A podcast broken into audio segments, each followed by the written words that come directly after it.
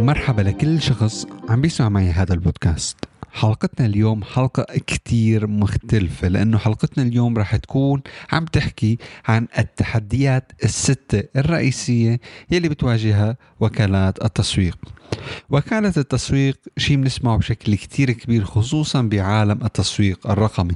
نحن هون عم نحكي عن ال marketing agencies شو التحديات يلي بتواجهها؟ سواء كنت أنت شخص بيشتغل بال marketing agency أو بوكالة التسويق أو كنت صاحب وكالة تسويق أو حتى شخص عم بيفكر يفتح أول وكالة تسويق لإله لحتى يحصل على عملاء ويبلش. يعمل business رح نبلش هلأ نحن نحكي على أول تحدي. لازم نعرف إنه التحديات الستة اللي أنا رح أحكيهم هي التحديات حسب الدراسة ورح نبدأ بالتحدي الأصعب اللي بيواجهه أكثر أو كثير من وكالات التسويق. فخلينا نبدأ بأول تحدي واللي هو كيف أنا فيني أحصل على عملاء جداد؟ وهذا يعتبر من أكبر التحديات. يعني فينا نقول نحن 40% من وكالات التسويق بتعاني بشكل كتير كبير بآلية الحصول على عملاء جداد. وهذا الشيء بيعتمد على عدة نقاط وأهمها هي استراتيجية التسويق اللي عم تمشي فيها. بالإضافة لاسم وكالة التسويق وكيف أنت عملت لها تسويق لوكالة التسويق. بالنسبة للتحدي الثاني واللي هو إدارة الوقت لازم نعرف أنه بوكالات التسويق في شغلة كتير كتير مهمة أنه كل دقيقة هي دقيقة مصيرية بوكالات التسويق. وهذا يعتبر ثاني أكبر تحدي بيواجهه مالكين وأصحاب وكالات التسويق واللي هو كيف يمكننا إدارة الوقت بشكل صحيح وكيف فينا نعطي كل client وكل زبون حقه من الوقت.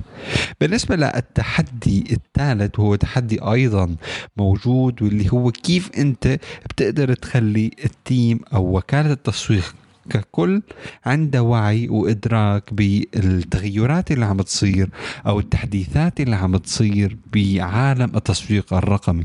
هون نحن عم نحكي بالذات لما يكون في عنا ال update الاشياء الجديده اللي بتيجي على السوق من ناحية ال social media ال update اللي بيجي بجوجل ب cookies بال update اللي بتيجي بالميديا. هذا الشيء في له تحدي نسبته ما بتوصل كتير كبير 9% لكن هو موجود وبشكل كتير مهم لأنه فهمك للابديت والاشياء الجديدة اللي عم بتصير بالسوق بتساعدك بشكل كتير كبير إنك تحصل على عملاء جداد فبتلاقي إنه كل التحديات إلى حد ما مربوطة مع بعضها. بالنسبة للتحدي الرابع واللي هو تحدي بيعتمد على الجودة. كيف أنا فيني حافظ على العملاء الحاليين؟ وهذا في عنده كتير عوامل لازم تشتغل عليها وأهمها أهمها هي الجودة النتائج والمعاملة الجيدة.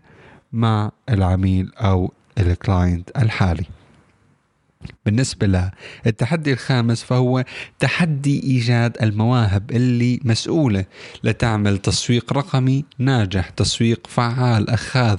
هذا كتير مهم وكتير بده بالفعل عمل وشغل وآلية كتير قوية. لهيك أنا اللي هون بدي أضيفه أنه العثور على المواهب أمر كتير صعب بالنسبة لصاحبين وكالات التسويق لأنه رح تلاقي بالسوق كتير عالم بقول لك okay أنا بعرف digital marketing بعرف تسويق رقمي بعرف أعمل إعلانات.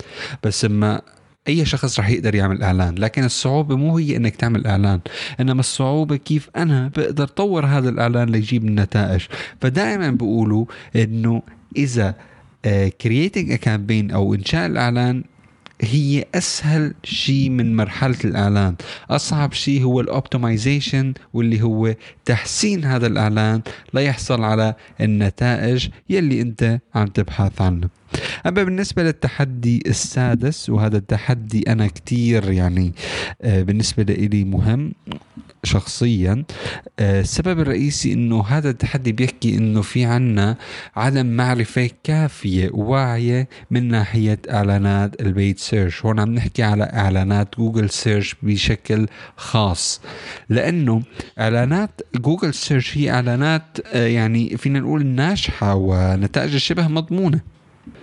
لهيك صعب كتير إنك تلاقي كل وكالة التسويق عارفة موضوع ال Google search وعارفة كيف تجيب النتائج. صدقني إذا أنت بتعرف شركة أو أشخاص بيعرفوا Google search فأنت لازم تعرف إنه النتائج تبعهم وين ما كانوا رح تكون جيدة. لأنه Google search هو أكثر برنامج فيه نتائج مضمونة وأكثر برنامج بيحتاج شغل كتير لتحصل على هي النتائج المضمونة.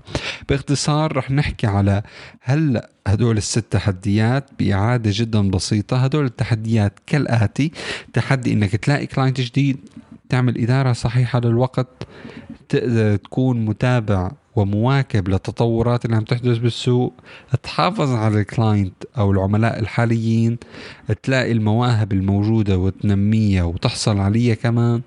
وآخر وحدة يكون عندك وعي كتير كبير ب Google Ad search أو ال paid search بشكل عام.